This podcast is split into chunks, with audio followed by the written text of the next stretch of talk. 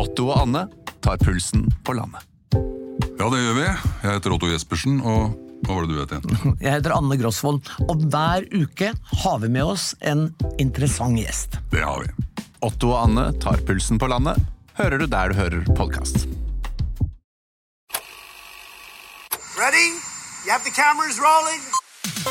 He was hosting boozy parties in Downing Street. But when the president does it, that means that it is not illegal. I have a dream. We will win this election and we will save the country together.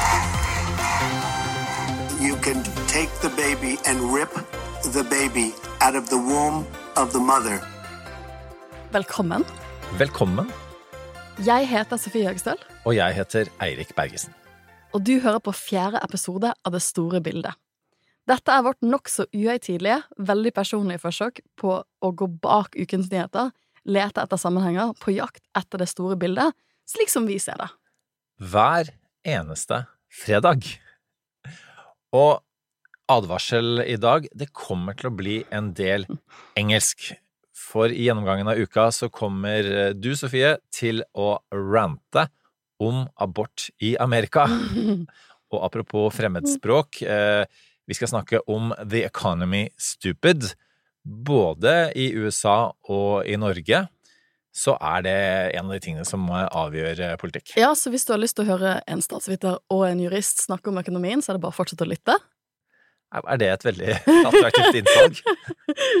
Hvis du hører om økonomi, det som avgjør livet ditt, Mm. så må du fortsette å lytte. Ja. og ukas helt, det blir en overraskelse av de sjeldne. Wait for it, som de sier i USA.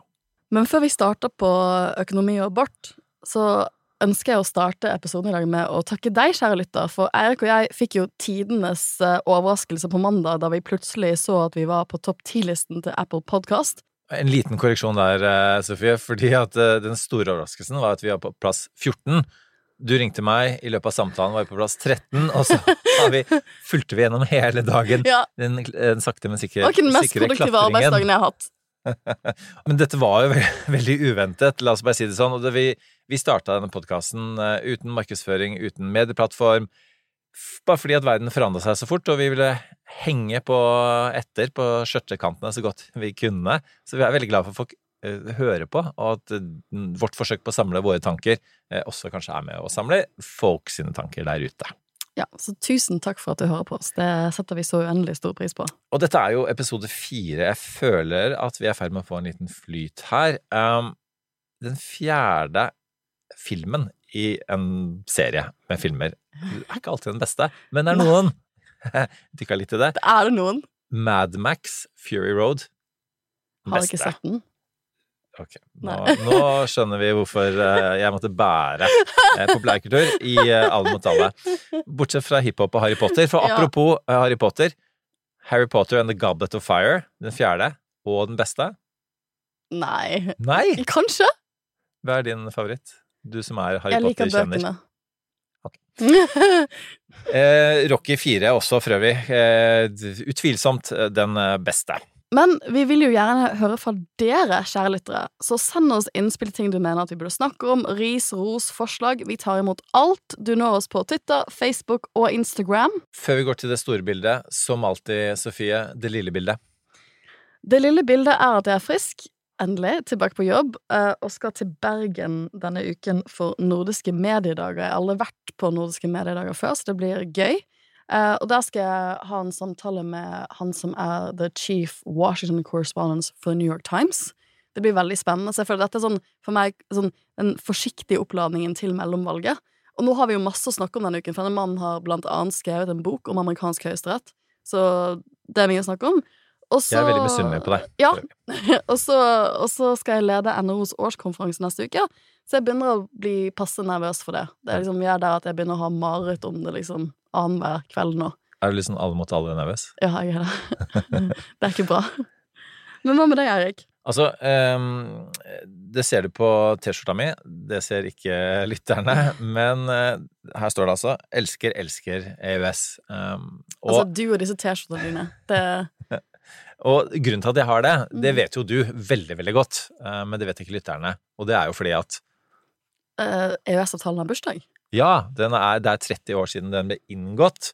Eh, Derfor er den på, og EØS-avtalen kunne fint ha vært ukas helt-skurk. Sist hadde vi Elon Musk, som faktisk eh, passet inn i begge kategorier. Og det kan man faktisk si om EØS også, fordi det er jo en helt fantastisk, eh, unik avtale som driver norsk økonomi fremover, men som også gjør at vi har ikke så veldig mye vi skulle ha sagt rundt det. Hva er din favoritt internasjonale avtale, Sofia? Eh, gitt det at det, altså, gitt det er forsker på internasjonal strafferett, så må det vel være Roma-vedtektene, som ble inngått i 1998, som Norge var med på å forhandle, som er liksom eh, det juridiske rammeverket til den internasjonale straffedomstolen. Mm. Godt uh, valg. Og det er en uh, fin bro til det store bildet, fordi det skal handle om økonomi denne gangen, og har fått tittelen It's the economy stupid.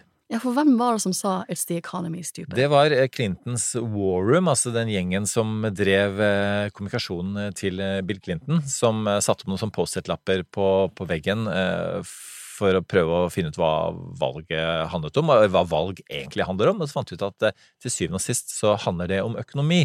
Og det gjelder spesielt amerikansk valg. Det er eh, vanskelig å se for seg at du skal vinne hvis økonomien eh, går dårlig. Mens i Norge så er det litt sånn eh, motsatt. Der kan økonomien fint gå ganske så bra, og man taper allikevel valget. Det skjer stadig vekk. Ja. Og økonomi. Det går ikke så bra i økonomien i, i USA, i verden, heller ikke i Norge. La meg minne lytterne, og deg, på at du er folkevalgt for Venstre, er vara, så du sitter på Stortinget innimellom. Men du kommer hit i dag med mm, en stor porsjon medfølelse eh, for det som er din opposisjon.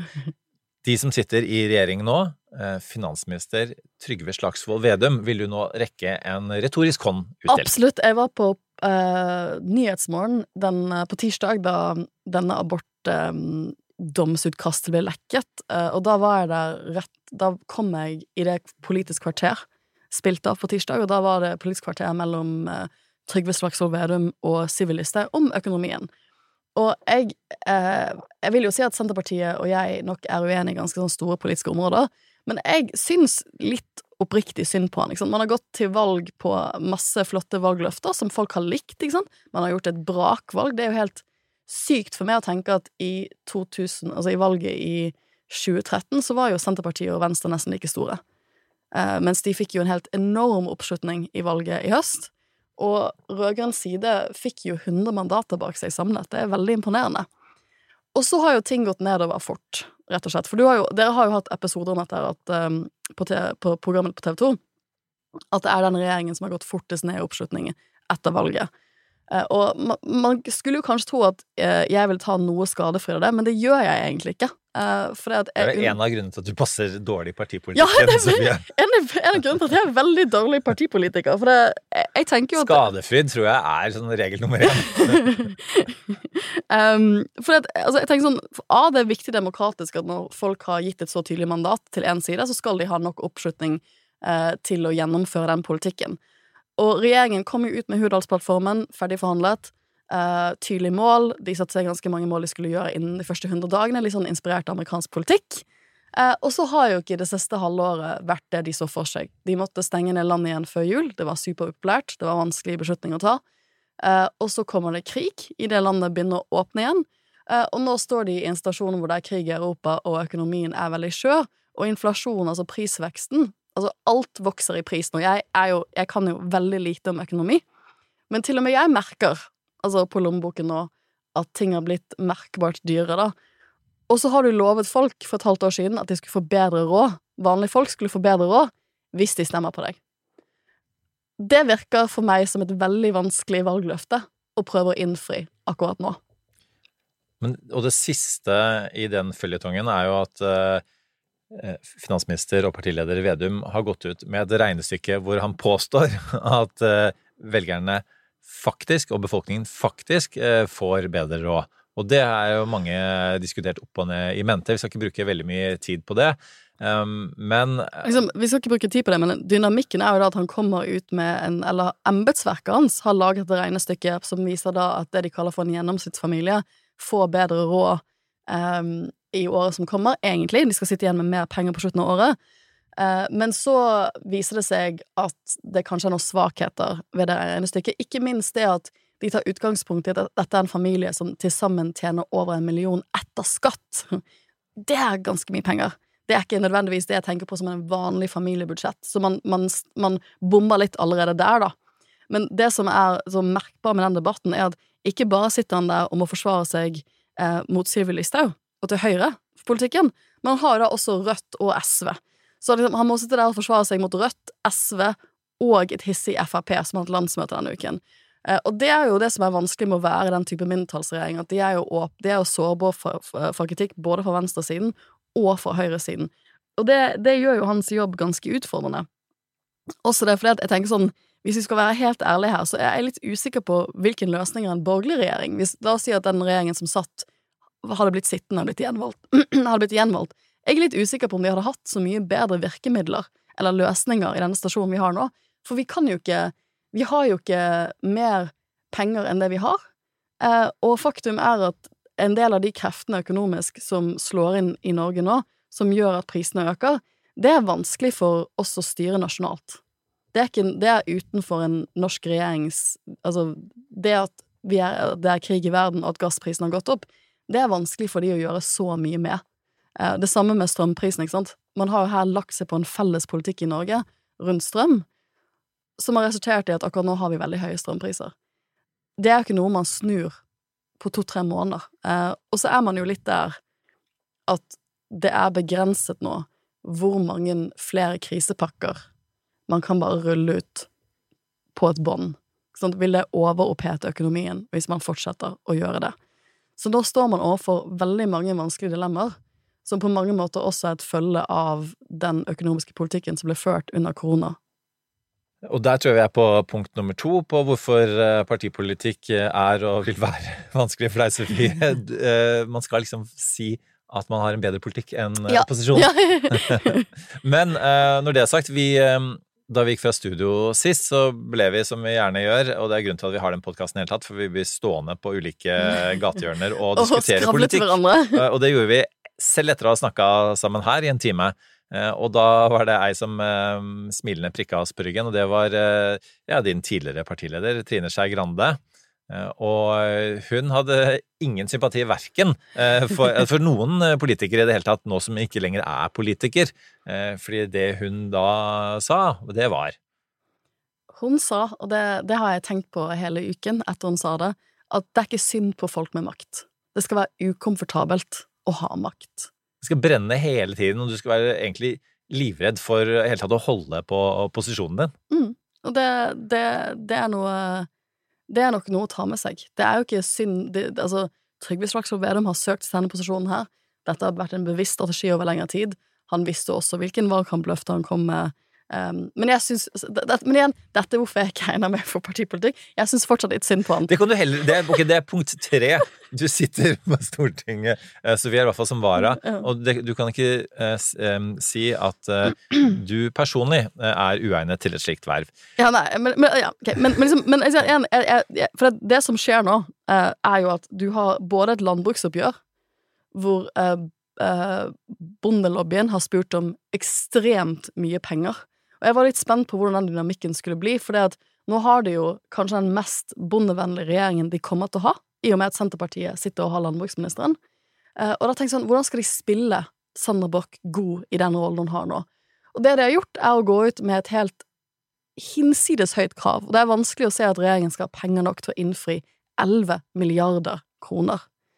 Um, og den andre tingen som skjer akkurat nå, det er jo at det kan bli mulig for storstreik i staten. Jeg er jo fagorganisert gjennom Forskerforbundet, som er en del av Unio, og forrige uke så brøt jo vi lønnsforhandlingene våre med staten, eh, og er nå inne i mekling.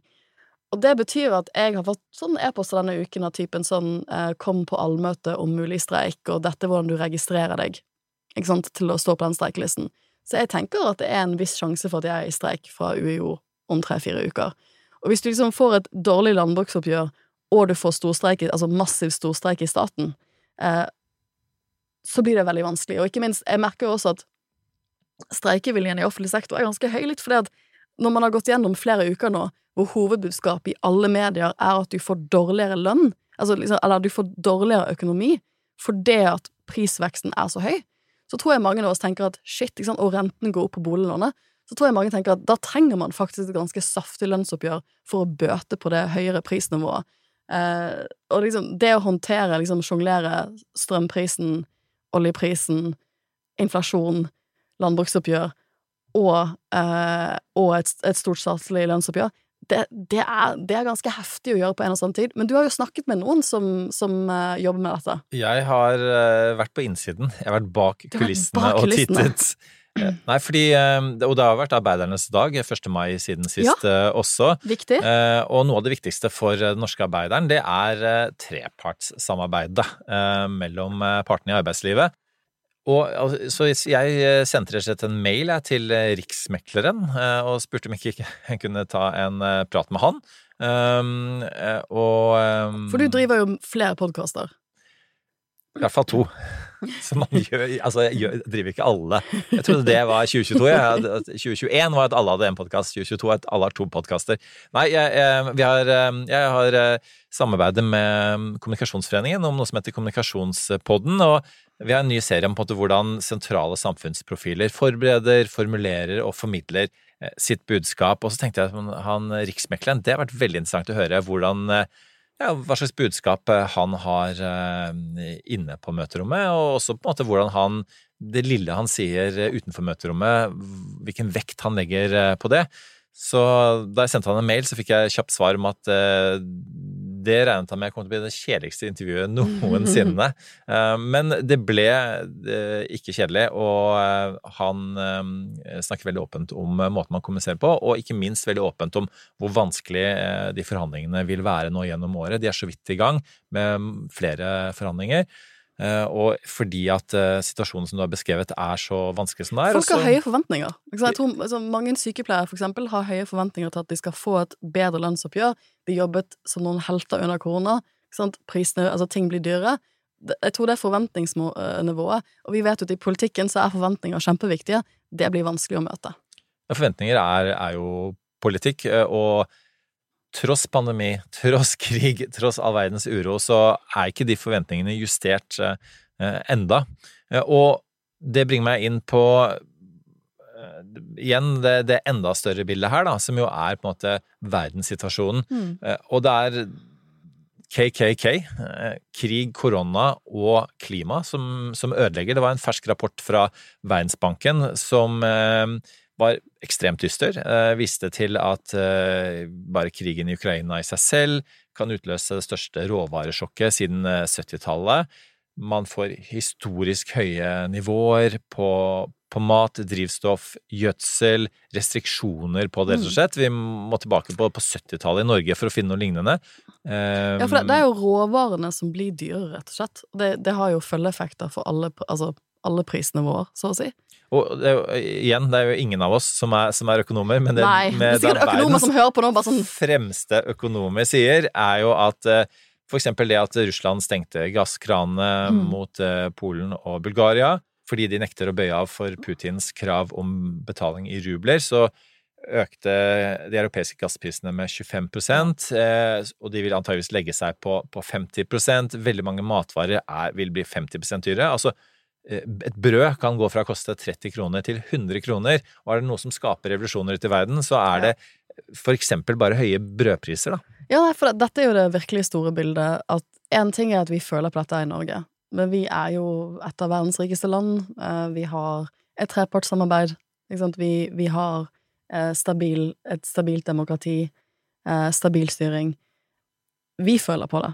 Men hvis du bor i et land, et utviklingsland, hvor du har ingen av de tingene der, har ingen, ingen sikkerhetsnett, så er det helt krise at matvareprisene eh, holder på å bli på det nivået det blir. Det merker du, du får rett og slett ikke matet familien din.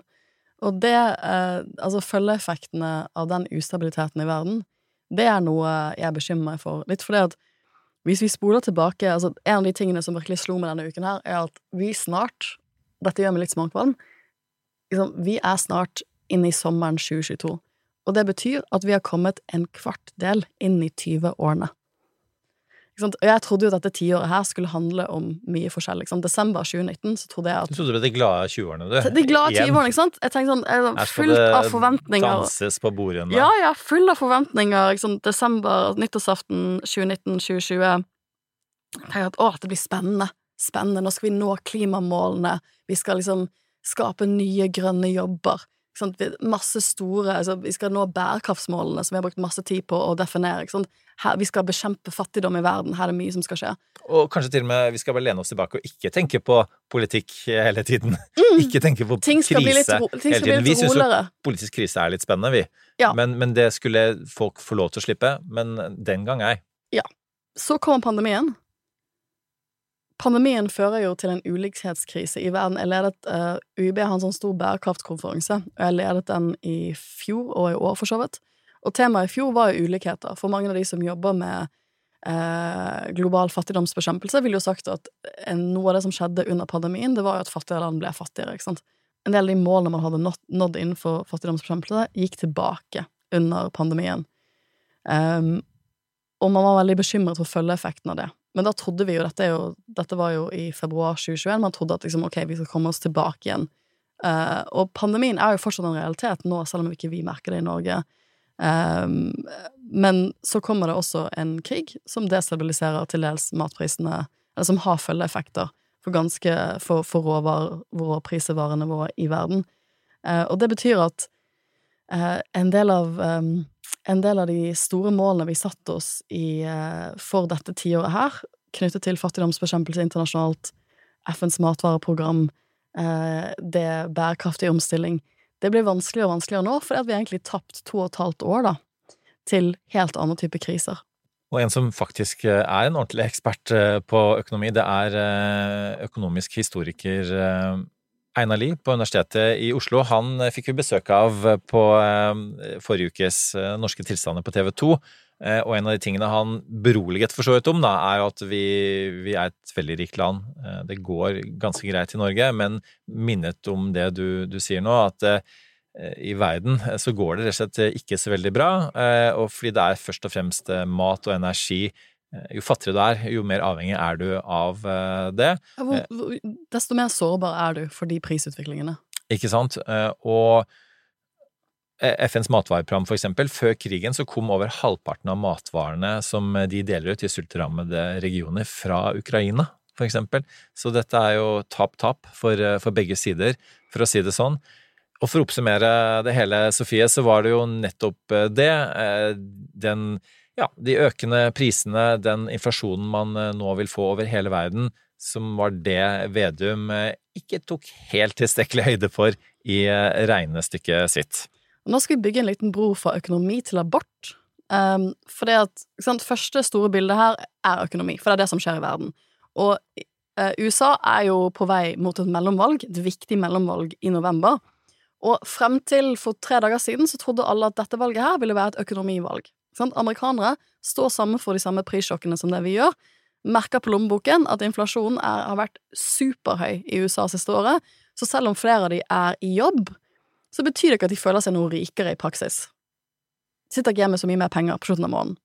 Men på tirsdag så kom det en aldri så liten bombe fra amerikansk høyesterett gjennom en lekkasje av en 98 siders utkast til dom. Den største bomben kanskje på 50 år i amerikansk politikk. Ja, og da er vi inne i ukens rant. And I will strike down upon thee with great vengeance and furious anger. Høyesterett, abort, amerikansk politikk. Sofie Høgestøl, take it away. Takk. Dette er fordelen med å ha egen podkast. Nå kan jeg si akkurat det jeg har lyst til å si. Um, for det at Lang historie kort. Amerikansk høyesterett i 1973 konkluderte at en del av Grunnloven kan tolkes dit hen at kvinner har en rett til selvbestemt abort. Det som var kontroversiell med den dommen som heter Roe versus Wade, det var at det står jo ingenting om abort i den amerikanske grunnloven. Eh, og den biten av eh, grunnloven man har tolket det inn i, står det ingenting om abort, og det står heller ingenting om retten til privatliv. For det amerikansk høyesterett sa egentlig var at denne ene setningen her, uh, i den amerikanske grunnloven, den har vi en tradisjon for å innfortolke en rett til privatliv i, Og hvis det er en rett til privatliv, så må det også for kvinner bety at man har en rett til selvbestemt abort innenfor visse grenser. Og det var jo på den, det tidspunktet ikke veldig kontroversielt i det at det er jo ni um, dommere i amerikansk høyesterett, og hele syv av de stemte for dette her, denne tolkningen. Uh, men, det, men når dommen kom ut, så hadde det en ganske stor effekt, og det er fordi at før denne dommen så var det ikke noe sentral regulering av abort i USA. Da var det alle delstatene som bestemte om de tilbød aborttjenester eller ikke. Så noen stater gjorde det, andre delstater gjorde det ikke. Men det, konsekvensen til denne høyesterettsdommen i 1973, det var at alle delstater måtte tilby et minimum av aborttjenester, uansett om de ville det eller ikke. Og så, med årene, så ble dette her en stor konservativ kampsak. De følte at dette var aktivistiske dommere som hadde tolket ting inn i den amerikanske grunnloven som ingen hadde ment da grunnloven ble skrevet, Uh, at de liksom hadde brukt sitt politiske syn, da, at de ønsket å tillate abort, og så hadde de liksom sagt at å ja, denne biten av grunnloven kan man kanskje si at der det, finnes det en abortrettighet. Og så ble dette vært en kampsak. Det finnes masse gode dokumentarer om hvordan dette ble en kampsak for kristenkonservative i USA, som finnes på blant annet Netflix, som jeg absolutt vil anbefale. Eh, og så blir det en kampsak, og den kampsaken er jo etter hvert at for å kunne gjøre noe med dette her, så må vi oppheve denne høyesterettsdommen fra 1973, og det må vi gjøre ved å endre sammensetningen av amerikansk høyesterett, sånn at vi får gode konservative dommere som ikke tolker rare ting inn i Grunnloven. Og dette er jo noe som eh, amerikanske velgere har blitt eh, skremt eh, av i, ja, egentlig gjennom disse 50 årene, og som plutselig nå viser seg å kanskje skulle bli en realitet. Ja, og da, da er vel liksom For jeg føler at ukens rant er også ukens skurk eller helt. For da kommer det inn en helt hvis du er kristen konservativ. Og ikke den helten vi vil tro, Nei. og kanskje den eneste gangen han noen gang er en helt mm. i vårt program. Og han er ikke det for oss, Nei. men han er det for sine velgere. Fordi mannen som var president i fire år, som ikke lenger er det, som riktignok tror at han fortsatt er det, og Ja. mange av de samme velgerne tror at han fortsatt er det, er ukas helt. I not a hero. Well, I'm not a crook.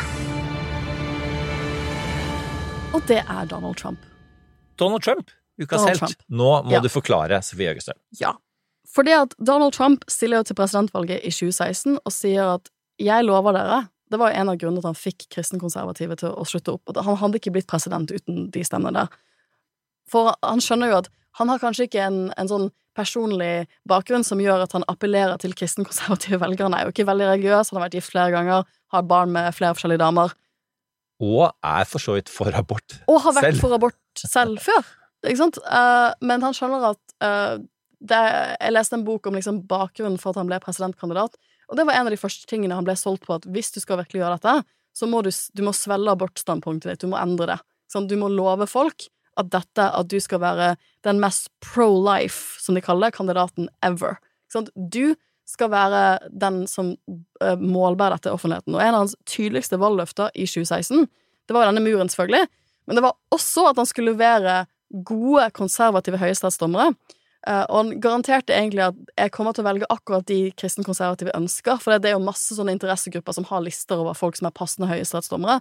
Jeg skal velge noen av de gode kandidatene der, og så skal vi få opphevet denne høyesterettsdommen fra 1973.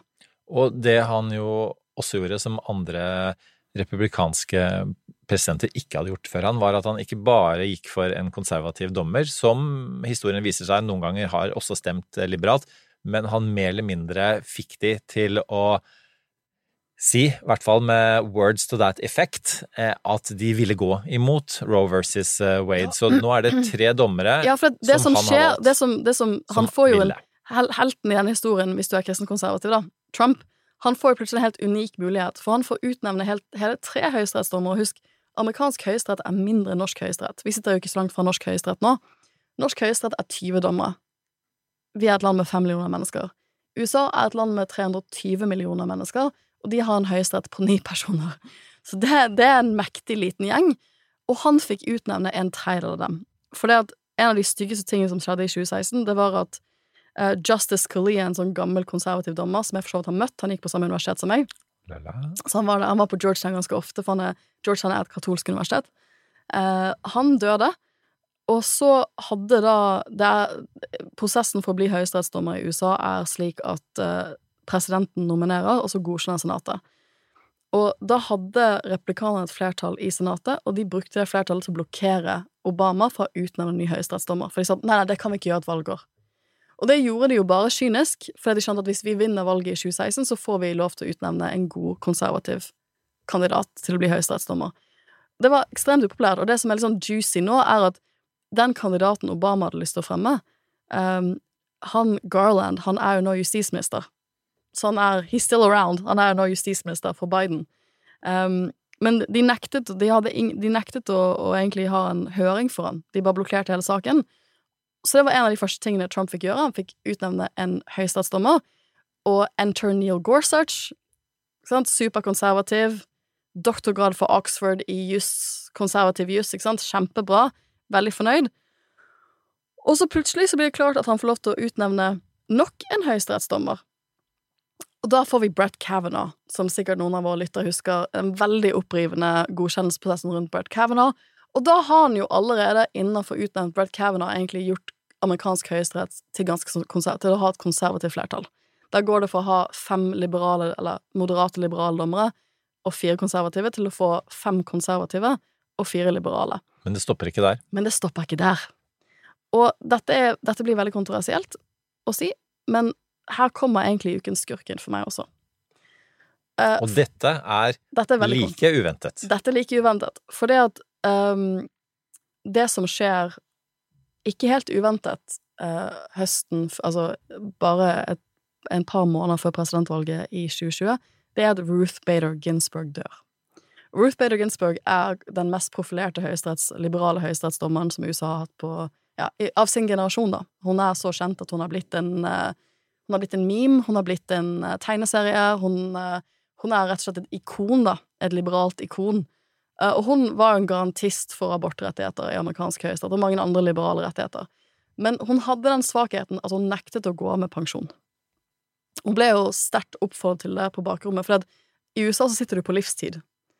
Og det er mange av de som tar det bokstavelig. Sånn, de velger mer eller mindre å dø. Scalia døde Ja, i 2016 i en alder av 79. Ja. Og det som da skjer, er jo at Ruth Bader Ginsburg, the notorious eh, RBG, dør i en alder av eh, 85.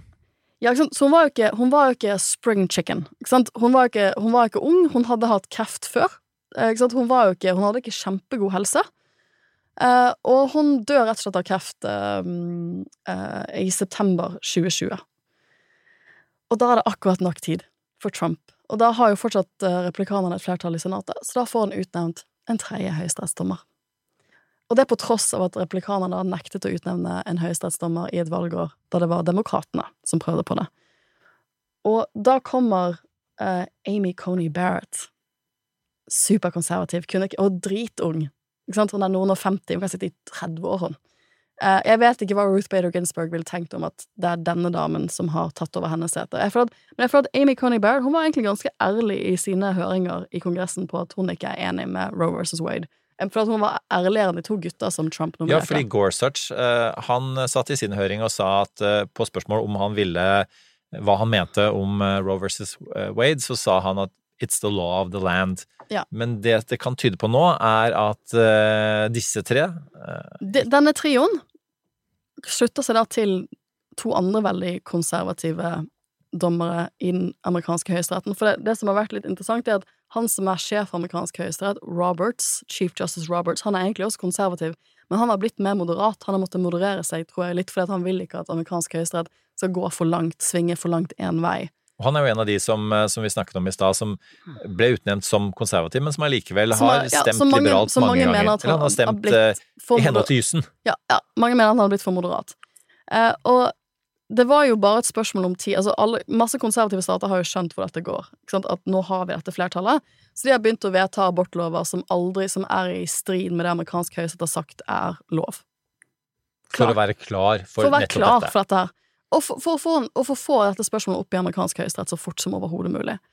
Eh, det skjer veldig fort. Eh, amerikansk høyesterett får en sak eh, fra Mississippi, hvor Mississippi, delstaten Mississippi skal innskre, eller prøver å innskrenke abortrettigheter til 15 uker. Eh, og det ville jo vanligvis ikke vært i tråd med det amerikansk høyesterett har sagt er minimumsstandarden for abortrettigheter tidligere. I 50 år, da. Men nå er det en new, new gang in town. Eh, de velger å ta saken, og når jeg hørte på saken før jul, for du kan høre på de muntlige høringene, så skjønte jo Alle burde jo skjønt hvor dette bar hen. Men det var veldig tydelig da at han med moderate sjefen i Høyesterett, han hadde lyst til å prøve å lure sine konservative kollegaer til å bare si at nei, nei, vi, vi, vi, vi bare holder oss til spørsmålet om 15 uker er lov eller ikke. Vi tar ikke det store prinsippspørsmålet om vi skal oppheve Om vi skal si at vi har feiltolket den amerikanske grunnloven og det ikke er abortrettigheter. Sant? Men det han, det han- den kampen har han sannsynligvis kanskje tapt. For denne uken så kom det ut en, eh, et utkast til eh, flertalls... eh, Eller til Et utkast til dom, skrevet av han som skriver for flertallet, Justice Alito. Det er allerede da vet du at dette her går ikke den veien du vil at det skal gå. Eh, og de 98 sidene sier at nei, vi har tatt ikke bare litt feil, vi har tatt kjempefeil. Det er ingen abortrettigheter i den amerikanske grunnloven. Dette skal folket bestemme i delstatene. Så det de da også sier, og jeg er ikke juristen her, eh, men at eh, måten man gjennom 50 år måte har støttet seg til et presedens, har vært feil. Altså man har forvaltet denne dommen feil, og det er jo ganske oppsiktsvekkende i seg selv. Det er oppsiktsvekkende, for det, det, spørsmålet er sånn, hvis de bare kaster alt de har gjort på dette feltet under bussen etter 50 år, hva, hva an, hvilken andre ting skal de bare si har vært feil hele tiden? Altså, hvilken, altså det, det skaper jo masse usikkerhet i systemet. Homofili, for eksempel. Ja, ikke sant? Det, det, det, er jo mange som er redd for at dette er bare starten. Dette er starten på at de kommer til å gjøre, ha lignende dommer på homofilt ekteskap, eh, tilgang til eh, p-piller, altså det er mye som kan ligge på bordet her. Men grunnen til at det er ukens rant, er at det som har irritert meg med dette her, er at alle har visst at Roe vs. Wade har vært en kontroversiell dom. Det er sånn mer eller mindre nøyaktig ti år siden jeg skrev min eksamen i amerikansk grunnlovsrett, da jeg tok masteren min uh, ved Georgetown, og en av de tingene vi måtte gjøre, var å analysere denne Roe vs. Wade. Alle har visst sant, at dette her var på skjørt grunnlag og omdiskutert, om man kan tolke den amerikanske grunnloven til å inneholde For vi kan ikke Altså, i Europa så har vi ingen tradisjon for at du tolker Det er nok ingen jurist som ville sagt at det er en grunnlovsfestet rett til abort i vår grunnlov. Sånn. Det, og det, det sånn, så Fra et juridisk perspektiv så ville jeg jo sagt til alle at det å prøve å Det å tro at du kan få garantert minimumsrettighetene dine gjennom en finurlig tolkning av Høyesterett, det er usikkert.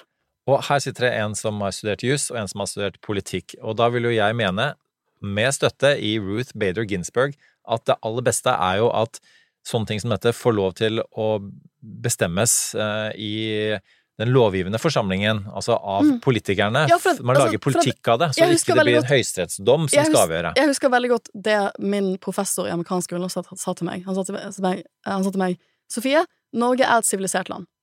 I et sivilisert land så greier du å sitte der ned og ha en politisk debatt om noe så vanskelig som abort, og komme frem til en felles løsning som alle kanskje er bitte litt misfornøyd med, men som er sånn knekkpunktet på hva midten er. Det gjorde vi i Norge med vår abortlov. Ikke sant? Vi fremforhandlet noe som alle kunne leve med og gjorde alle de vanskelige moralske avveiningene som inngår i den type spørsmål som abort eller um, eutanasi, for den slags skyld. Ikke sant? Det er sånn man løser et sånn type samfunnsproblem. I USA så greide man ikke det, så der måtte Høyesterett liksom bryte inn og, og komme med denne type løsning.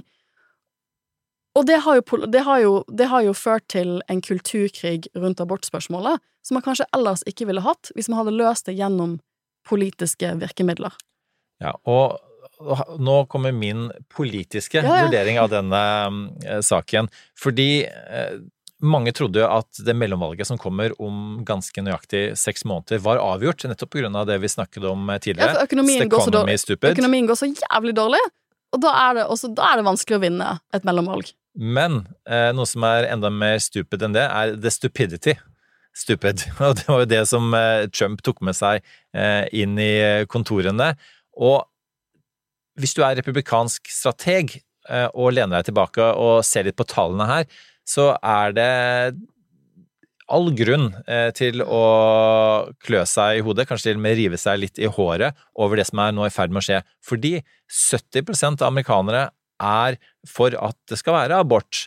Eh, Sånn at eh, hvis Og på en måte har det bare vært en sånn sak som kan sammenlignes med ja, hunden som løper etter eh, bussen i 50 år, bjeffende, og plutselig klarer å ta igjen bussen og ikke helt vet hva de skal gjøre. Ja, for dette er det interessante perspektivet. Det er jo at for mange konservative politikere på delstatsnivå, så har det jo ofte vært en sånn right of passage at du vedtar en helt hinsides streng abortlov, ikke sant? Hvor du liksom du forbyr all abort uten, uten um, at den tar, man tar høyde for incest eller voldtekt. Sant? Man finner de strengeste lovene man noensinne kan, for man vet at det, amerikansk høyesterett kommer til å slå ned det.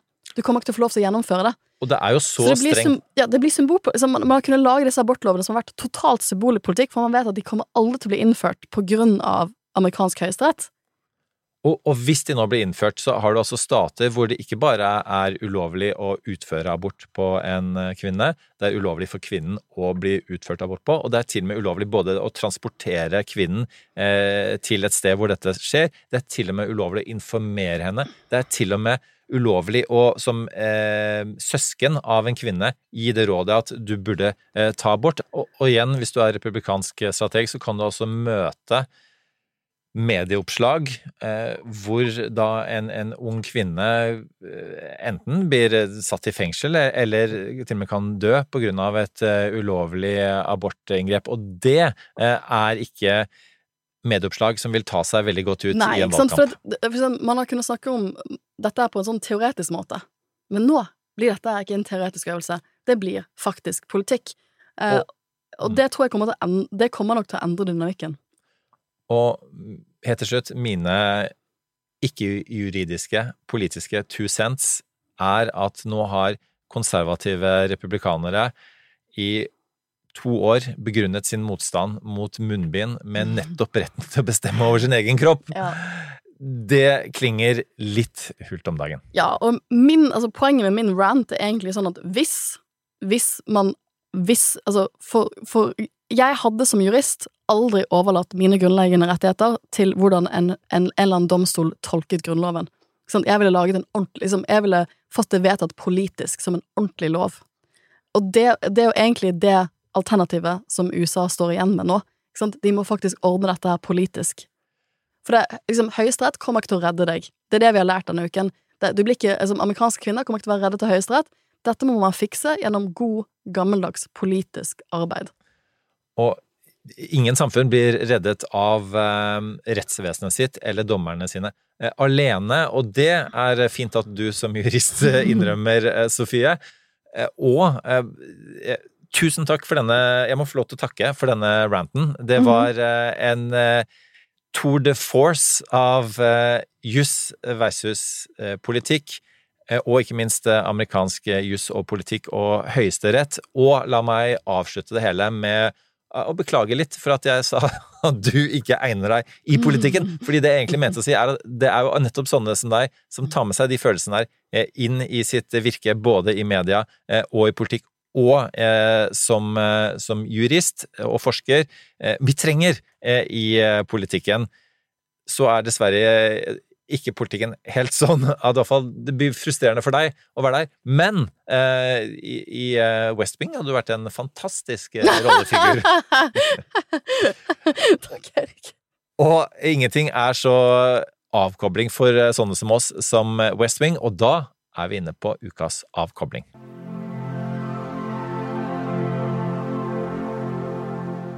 Min anbefaling denne uken er en serie som heter Harry Palmer. Som er en britisk spionserie sett uh, i sånn 60-talls Det er fantastisk altså det er, liksom, det, det er liksom Jeg tror eh, handlingen er som 1962-1963. Det er storpolitikk. Det er atompolitikk. Det er Russland. Det er liksom uh, Sovjetunionen versus Vesten. Fantastisk utro, altså, Utrolig vakkert filmet. Jeg binget hele serien denne uken. Kan varmt anbefales. Det er, dette er andre gang du har anbefalt et spiondrama. Jo, for liksom, det er noe helt annet enn det som skjer akkurat nå. Samtidig så er det jo de lange linjene på det som skjer nå også. Ja, fordi vi har jo omdøpt ukas anbefaling til ukas avkobling Ja. for å kanskje prøve å tvinge oss selv til å tenke på noe annet enn politikk. Mhm. Men også jeg skal bruke ukas avkobling eh, til å si noe som dessverre er um, egentlig ganske politisk, fordi jeg også har, har prøvd ordentlig uh, å tenke på andre ting enn politikk i det siste. Nettopp fordi uh, at verden har gått så dårlig. Derav uh, grunnen til at vi starta opp den podkasten i det hele tatt. Men, men da Trump tapte valget, og jeg, til og med jeg trodde at han ikke ville være en faktor i amerikansk politikk på samme måte, ikke trodde at han eh, kommer til å kaste sin eh, lange skygge og mørklegge USA eh, i abortspørsmålet nå, så sluttet jeg å høre på Trump-podkastene og oppdaget at herre min hatt, hvor mye tid jeg nå Altså, hadde. Livet ble så mye bedre etter vi ble ferdig med presidentvalget i 2020. Bedre, eh, mer tid, og jeg begynte å, å høre på lydbøker i stedet når jeg var ute og, og, og gikk på ski og så videre. Men eh, nå er jeg, og jeg beklager å si det, tilbake på Trump-podkastene. The bedwetting har startet. Frykten eh, for at eh, Trump skal uten noen politiske verv dominere eh, nok et valg, mellomvalget, som han egentlig ikke er en aktør i Ja, i det hele hele vi- tatt. altså, han, Hadde er ikke, han er jo ikke en aktør, men uh, denne uken her så er det klart at uh, han har nok en gang vært en, eh, den kandidaten han valgte i etter primærvalgene i USA, for akkurat nå så velger de jo hvem som skal få lov til å være kandidater for mellomvalget i november. Eh, den kandidaten vant sitt primærvalg. Så han er jo sånn kingmaker igjen, plutselig. Så er ikke, Trump er ikke borte, og jeg mener at den uken her med abortspørsmålet er en av de beste ukene han har hatt politisk i sitt liv. Han har gitt replikanerne en seier de aldri hadde, altså aldri kunne sett for seg, egentlig, tror jeg, for fire år siden. Og jeg som følte at min skjebne var beseglet eh, med Trump, eh, og at eh, jeg nå var ferdig med det, er tilbake i den posisjonen. Og da er ukas anbefaling, for jeg vet at amerikanske Trump-aktige podkaster er noe også våre lyttere hører veldig mye på, er rett og slett New York Times The Daily, som er the podcast for å følge med på amerikansk politikk. Og så må man gjerne lese for eksempel den kandidaten du nevnte nå, JD Vance, eh, sin bok The Hillbilly Elegy, for å forstå hvorfor folk allikevel stemmer på eh, Trump. Men en eh, veldig god oversikt for altså vi lever i liberale, sosialdemokratiske Norge, sånn er det bare. Fra vårt perspektiv å følge med på amerikansk politikk er og blir The Daily til New York Times. Ja, for det blir nok mye amerikansk politikk i monitoren fremover, med valg og med dette abortspørsmålet. Og da har vi nok en gang snakket altfor mye, Erik. vi skulle jo prøve å gjøre disse episodene kortere. Men dette var det store bildet slik vi ser det denne uken. Tusen takk for at dere hører på. Tips gjerne andre, og ta kontakt på sosiale medier om det er eh, temaer dere mener vi eh, har gått glipp av og burde prate mer om på denne podkasten. Så lyttes vi neste fredag. Ha en flott uke. That's enough. Put down the mic.